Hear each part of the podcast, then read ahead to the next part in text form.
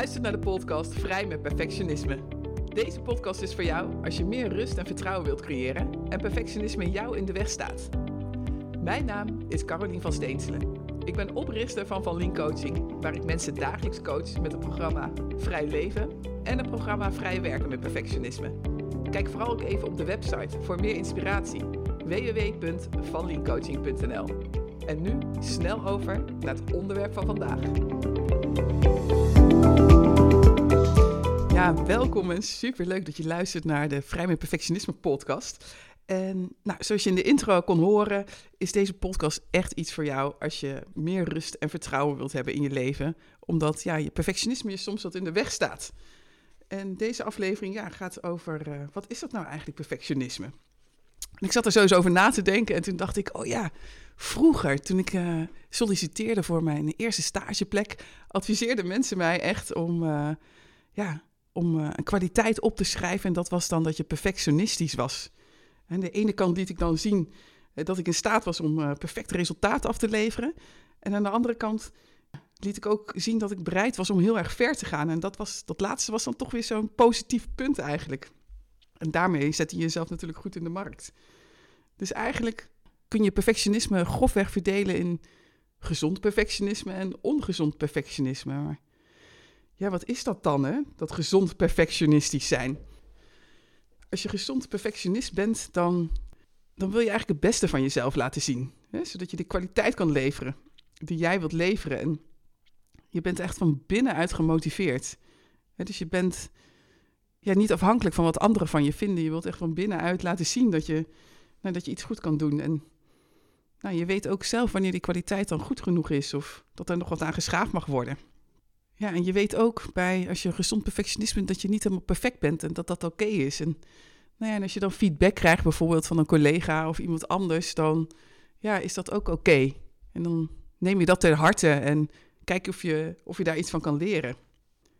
Dus ja, bij gezond perfectionisme verlang je echt om iets, om iets goeds te doen en te maken. En of het goed genoeg is, ja, dat weet jij gewoon zelf. Maar hoe zit dat dan bij dat ongezond perfectionisme? Ja, ik noem het dus ook wel perfectionisme, hè, omdat het ons zo weerhoudt om vrijuit te leven.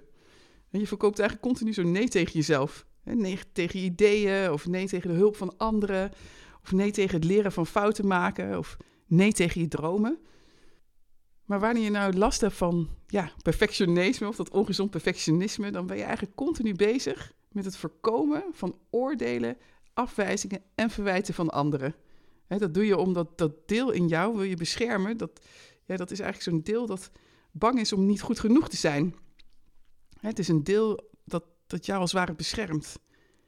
En die beschermer in jou zo, die voorkomt eigenlijk steeds dat je niet dat gevoel hebt dat je niet, genoeg, niet goed genoeg bent. Nou, en dit deel is dan eigenlijk de hele tijd bezig om die afkeuringen zo te, te voorkomen.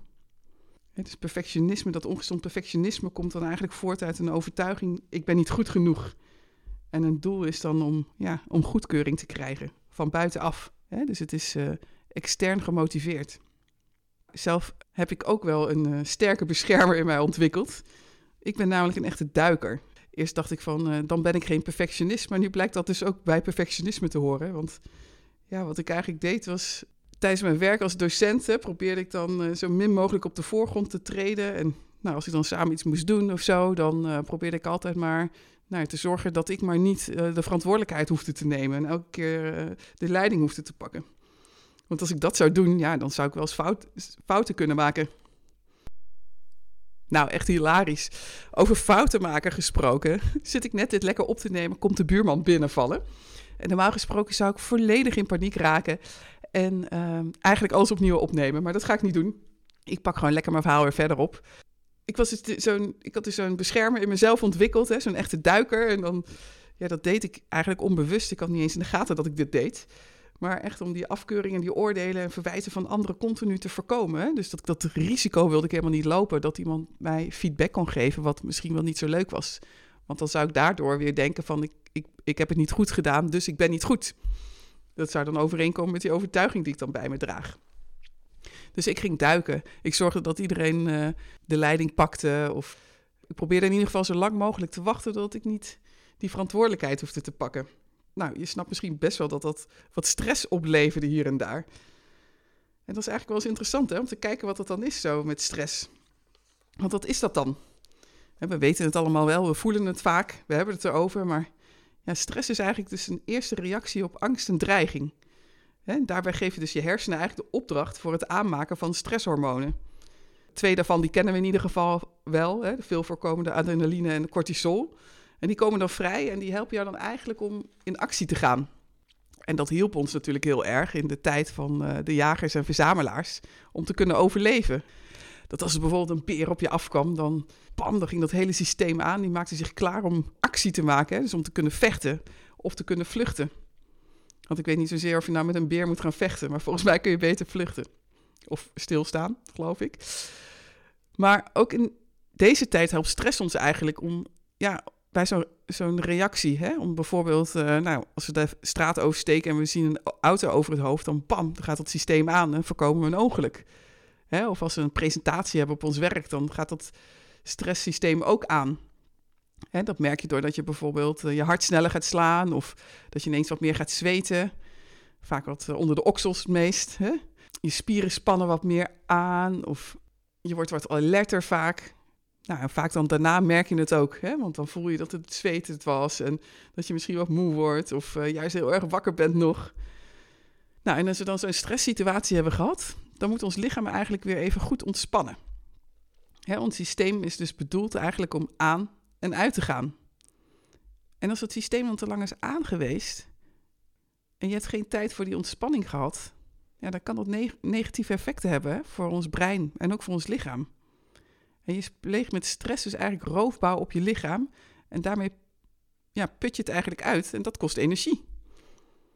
En iemand vertelde mij ooit dat het aanvullen van energie maanden of zelfs jaren kan duren. En het duurt namelijk minstens even lang om stress weer af te bouwen en je energie weer aan te vullen.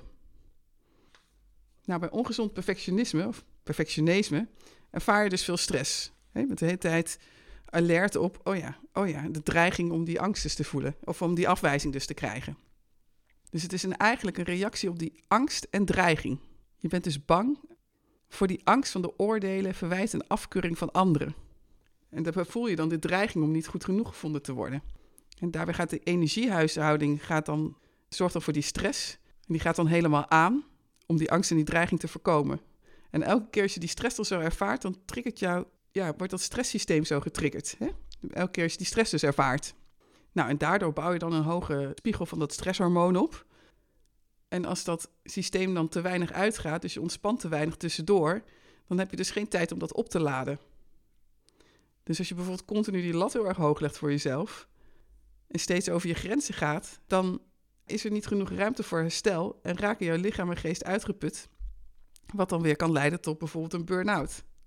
Of zoals ik natuurlijk continu bezig was om niet door die man te vallen. En dat heeft weer bijgedragen aan mijn burn-out. Maar ook voor deze podcast, hè. Uh, ik ga je zo vertellen over de negen verschillende typen. Dus hoe je dus perfectionisme kan herkennen of hoe zich dat dan zo kan uiten. Maar daar had ik dan weer een leuk idee voor bedacht. Ik wilde een test ontwikkelen over hoe je jouw perfectionisme tot uiting kan laten komen. Dus dan kun je zo'n test invullen. Superleuk. Maar die test is er nog niet. Nou, ik wilde die natuurlijk voor deze podcast klaar hebben, want dan vertel ik daar iets over en dan kun je die test maken. Dat is superleuk. Dus dat is eigenlijk dan zo dat perfecte plaatje in mijn hoofd. Nou ja, wat ik had kunnen doen, dus die test ontwikkelen. Maar misschien als ik dat zo aan het doen ben, dan wil ik er misschien ook nog wel een e-book bij ontwikkelen of nog iets anders en nog iets anders.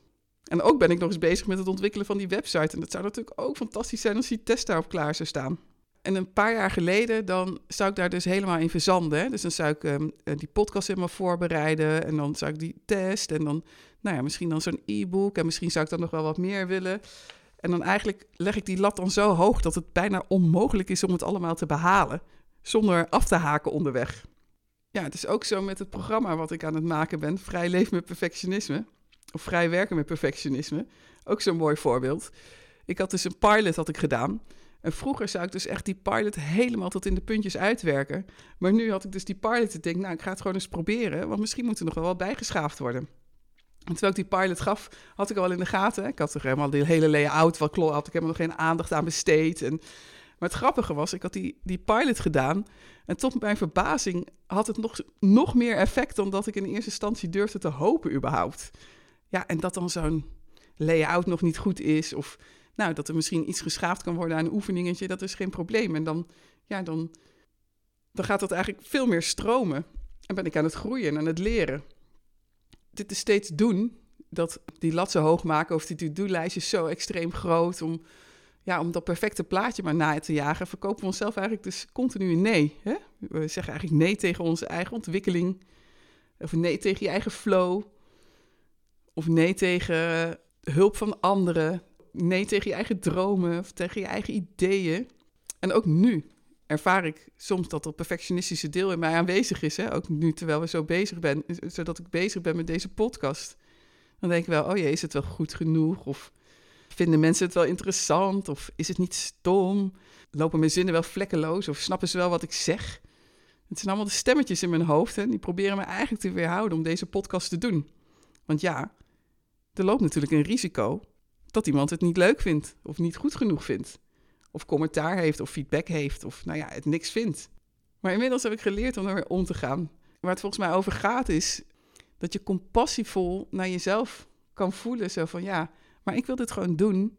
En ja, die stemmetjes zijn er. En, ik laat me gewoon niet verleiden om, om mee te gaan aan die stemmetjes. En die to-do-lijsten helemaal afwerken. Dat perfecte plaatje, maar niet in beweging te komen. Ja en, ja, en daar gaat het volgens mij echt over. Dat stukje dat je dan compassievol naar jezelf kan zeggen van... oh ja, ik vind het ook spannend en het is ook oké om het te doen. Ja, misschien heb jij wel weinig of veel last van stress. Maar het zorgt er in ieder geval voor dat je minder uit je leven haalt dan je zou willen. Het, geeft, het heeft gewoon invloed op hoe je je voelt. Daardoor krijg je minder plezier of dan ervaar je minder energie. bijvoorbeeld bij het leveren van prestaties op het werk of plezier hebben in je leven. Nou, ik denk niet dat perfectionisme weg hoeft. En ik denk ook niet dat het weg te halen valt. maar je kan er wel anders mee leren omgaan. Nou, omdat we allemaal anders zijn en anders zijn opgegroeid, andere opvoeding hebben gehad, ander rugzakje bij ons hebben, onze school en de maatschappij ons eh, gemaakt heeft zoals we zijn. En ja, hebben we allemaal onze eigen patronen en, en mechanismes ontwikkeld. En daarom hebben we ook verschillende uitingen van dat perfectionisme. En de een is de ander ook niet, hè? Ik heb zo'n negen typen die ik zo met je wil gaan delen. Ja, en het is heel normaal als je in een aantal herkent of in één. Meestal herkennen mensen zich in meerdere. En het is, de een is niet beter of slechter dan de ander. Het is allemaal oké. Het scheelt ook weer per situatie natuurlijk. Maar ik ga ze eens even met je delen. Nou, de eerste, die herkennen misschien wel velen, dat is de controlfreak. Dat je overal controle op wilt houden. Nou, wanneer je daar last van hebt, dan wil je overal controle over hebben. En je vindt het ook belangrijk om alles zelf op te lossen. En je hebt vaak het gevoel dat je het alleen wilt, moet doen. En als je hulp vraagt, dan word je daar vaak in teleurgesteld, omdat het niet gaat op de manier zoals jij zou willen. Herken ik overigens ook. Gelukkig heb ik dat wat los kunnen laten. En je zou graag willen dat het precies gebeurt zoals jij het in je hoofd hebt. En daardoor kun je ook soms als dominant overkomen voor een ander. In de volgende aflevering, de podcastaflevering, ga ik daar dieper op in tweede type is ja, degene die steeds de erkenning zoekt bij anderen. Dus dat je eigenlijk continu zo die bevestiging op zoek bent naar die bevestiging om te horen of je wel iets goed doet. vaak heb je daar dan zo'n onzeker gevoel bij. En nou, wanneer je die bevestiging dan hebt gehad, dan pas ga je je taak of je actie uitvoeren. En dan, ja, dan kun je ook zo daarin ja, dat je dan daarin meegaat. Hè? Dat je dan zelf die goedkeuring krijgt. Dus dan ben je echt afhankelijk van de, van de goedkeuring van de ander. Nou, een andere manier, dat is de derde manier, is degene die oneindig veel oefent. En wanneer je daar last van hebt, ja, dan heb je vaak het gevoel dat je bang bent om af te gaan. voor bijvoorbeeld een presentatie ga je dan keer op keer oefenen. En nou, als je dan het idee hebt dat je het kent, dan ga je het nog één keer herhalen in je hoofd. Zo van, nou, even testen of ik het nog wel echt goed ken. Of continu ga je hem herhalen voordat je echt die bühne opgaat. En het liefst precies zoals in je hoofd uh, zit. Nou, dan hebben we het imposter. Dus met imposter ben je bang om door de man te vallen. Dat gevoel zo, hè? En je hebt dan vaak het gevoel dat, dat mensen er dan eigenlijk achter komen dat je eigenlijk helemaal niet zo slim bent of gevat bent of helemaal niet zo goed bent zoals je je voordoet. En dat je er als het ware een beetje doorheen hebt gebluft. En daardoor ga je vaak extra hard werken of juist vermijden, wat ik dus deed, van situaties. Zodat je niet door de, het risico niet loopt om door die man te vallen. Nou, dan heb je de uitsteller. Dus wanneer je last hebt van dat uitstellen, dan ben je vaak bang dat je niet de juiste kwaliteit kan leveren. Of je denkt dat je het wel of dat je het niet kan. bijvoorbeeld na het maken van een uitgestelde taak kom je erachter. ja, dat het toch minder veel eisend was dan dat het leek. En nou, doordat je dus zo laat bent begonnen, is de kwaliteit vaak ook minder. Waardoor je eigenlijk dan weer bevestigd wordt dat je het niet kan. Nou, daarbij ervaar je dan ook veel stress. En nou ja, dus al de volgende taak ga je daarom wederom weer uitstellen. En zo komt dat eigenlijk elke keer weer opnieuw in datzelfde cirkeltje.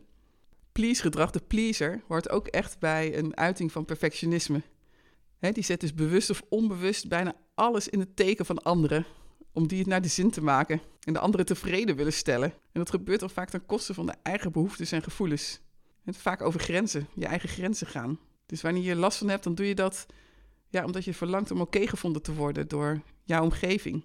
Dus ook weer die externe bevestiging dat je goed genoeg bent. Nou, dan hebben we ook nog de hoge eisensteller. Wanneer je last hebt van hoge eisen stellen, dan, ja, dan leg je die lat dus heel erg hoog voor jezelf. En je stelt ook de eisen, hè, de eisen stel je hoog aan jezelf, maar ook de eisen aan je omgeving. En je streeft dan eigenlijk naar onbereikbare doelen. En eigenlijk leg je die lat steeds weer hoger en hoger. En je bent eigenlijk nooit tevreden met wat je neergezet. Ook al heb je iets goed neergezet, ook al was dat het doel, dan nog ben je niet tevreden. Of niet helemaal. Nou, dan heb je ook nog de succesangstige. Hè, dus bang om te falen. Ja, dat kennen we de, de meesten wel. Hè? Maar wanneer je last hebt van het hebben van succes, dan ben je juist bang om succes, succes te bereiken. En denk je dus dat het hebben van succes fout is. En je bent dan ook bang voor de gevolgen die nou ja, jouw succes dan heeft op anderen. Nou, en als laatste heb je nog de besluiteloze. Nou, wanneer je last hebt van het maken van keuzes, dan, ja, dan heb je de neiging om de anderen voor jou te laten kiezen. om uit te stellen. En dan wik je en weeg je en stel je weer uit. En ja, omdat je het zo graag goed wil doen en daarmee wil, wilt voorkomen dat je fouten gaat maken. Nou ja, en daardoor ga je dus elke keer maar weer opnieuw en opnieuw. En uiteindelijk maak je dus maar geen keuze.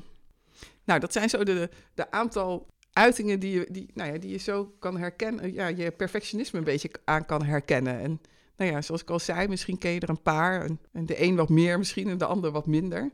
Het is ook niet dat we ze voortdurend hebben maar ze poppen wel vaak op in bepaalde situaties. Nou, ik vind het dus heel leuk om in elke podcastaflevering een, uh, een oefening te delen om je gewoon eens te, te inspireren. Om nou, misschien gewoon eens in beweging te komen met dat dat stukje waar jij mee worstelt. Of, ja, of gewoon eens naar te kijken. En natuurlijk was het perfect geweest vandaag als ik die test had kunnen zeggen. Van nou, daar staat die test. Ga lekker die test doen. En kijk eens van, uh, onderzoek eens wat, wat, wat bij jou nou zo erbuiten springt.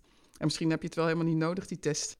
Nou, een perfectionist die legt zichzelf eigenlijk heel veel moeten en regels op. En kijk, toen we vroeger jong waren en uh, thuis woonden, dan we, hadden we regels nodig van onze ouders. En dan vervolgens gaan we uit huis en dan leggen we onze eigen regels eigenlijk op. En die moetens, die regels, of die moetens, ja, die moeten dus allemaal van, van jezelf, omdat je denkt dat je hierdoor jouw onzekerheid of je angst van niet goed genoeg te zijn, of je zelfafwijzing of jouw afwijzing kunt bedekken of te voorkomen.